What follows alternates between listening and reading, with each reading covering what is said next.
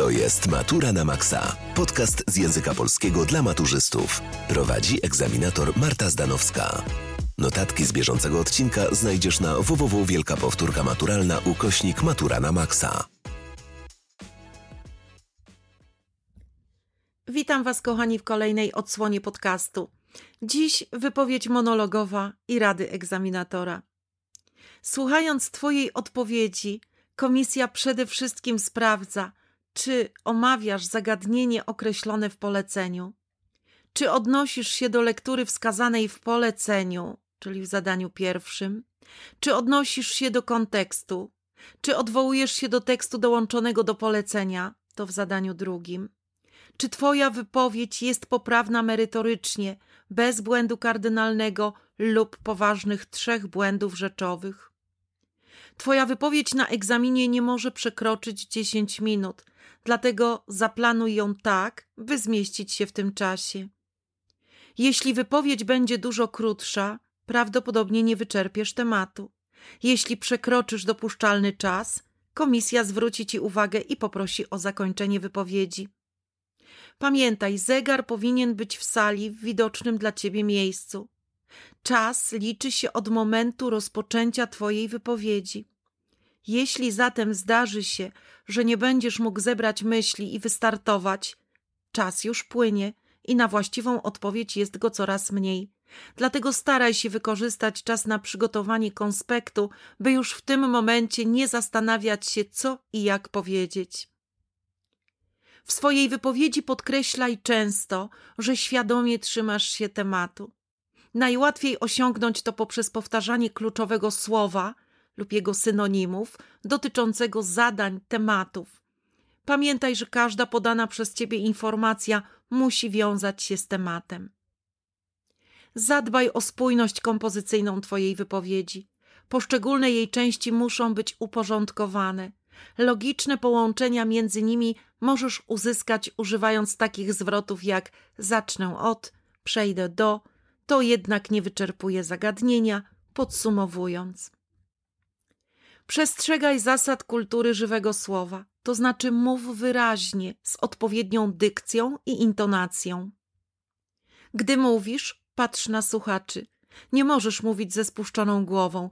Nie patrz też cały czas gdzieś ponad głowami członków komisji. Mogliby odnieść wrażenie, że ich ignorujesz. Postaraj się patrzeć wprost na słuchaczy. Przenoś wzrok z jednej osoby na drugą. Utrzymuj ten kontakt wzrokowy. Pomyśl, co zrobisz z rękami. Ręce to podstawowy problem w czasie stresu. Sztywna postawa robi wrażenie spiętej, ale wymachiwanie rękami to też nie najlepszy pomysł. Gestykulacja, owszem, jest pomocna, ale nie nadmierna. Taka może przeszkadzać. Dobrym rozwiązaniem może być trzymanie na przykład planu wypowiedzi i korzystanie z niego od czasu do czasu. Pamiętaj, ponuraka słucha się z przygnębieniem, a czasem z irytacją. Z kolei wesołka nie traktuje się poważnie. Staraj się więc wypośrodkować tę postawę. Mów swobodnie, z lekkim uśmiechem. Zasygnalizujesz tym życzliwość i pewność siebie. Możesz wierzyć lub nie, ale mina i postawa sugerująca opanowanie naprawdę zwiększa pewność siebie. Mów wyraźnie, płynnie i wystarczająco głośno. Osoba, która mówi głośno i wyraźnie, sprawia wrażenie pewnej siebie. Kto mówi cicho i niewyraźnie, zmusza komisję do wytężenia słuchu, a i tak może się zdarzyć, że wielu wyrazów egzaminatorzy nie usłyszą. W ten sposób wątek ucieka, czyli wypowiedź staje się chaotyczna. Modeluj głos, ale nie przesadnie.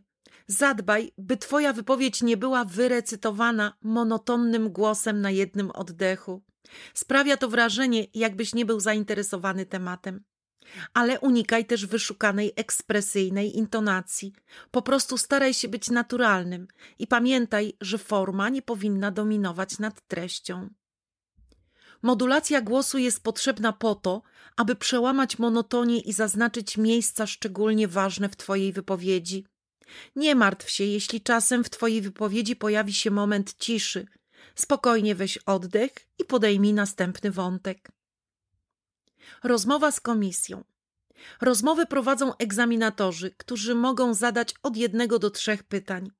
Pamiętaj, pytania mogą dotyczyć zagadnień określonych w poleceniach do obu zadań lub do jednego z dwóch zadań, utworu literackiego albo tekstu kultury, w tym materiału ikonicznego dołączonego do polecenia, treści utworów literackich i tekstów kultury przywołanych przez Ciebie w wypowiedziach.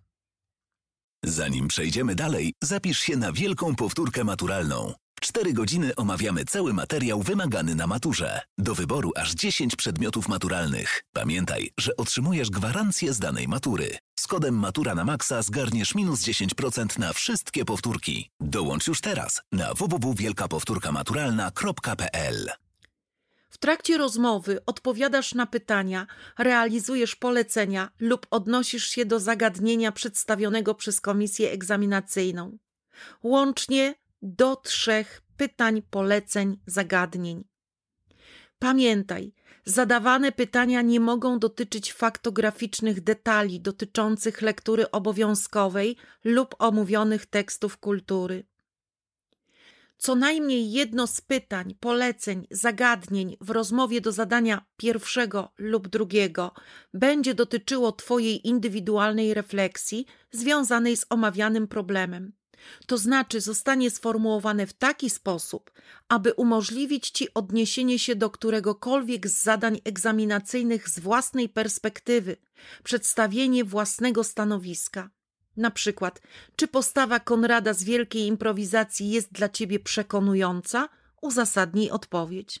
Albo, którą strategię tworzenia przyjąłbyś, gdybyś był artystą, klasyczną czy awangardową? Uzasadnij odpowiedź albo które dzieła są bardziej przydatne młodemu człowiekowi we współczesnym świecie, naśladujące rzeczywistość czy kreujące ją?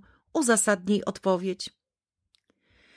Twoja wypowiedź podczas rozmowy oceniana jest ze względu na to, czy jest ona na temat, czy jest merytorycznie poprawna, czy w odpowiedni sposób uszczegółowiona, czy jest bez błędu kardynalnego i czy jest zgodna z etykietą językową. Odpowiadaj swobodnie. Nie bój się, że coś wypadnie niezbyt dobrze. Drobne usterki w twojej wypowiedzi na pewno się zdarzą. Tym się nie zamartwiaj. Potknięcia to rzecz ludzka. Powodzenia. Więcej informacji znajdziesz na naszej stronie internetowej wielkapowtórkamaturalna.pl oraz na Instagramie i TikToku.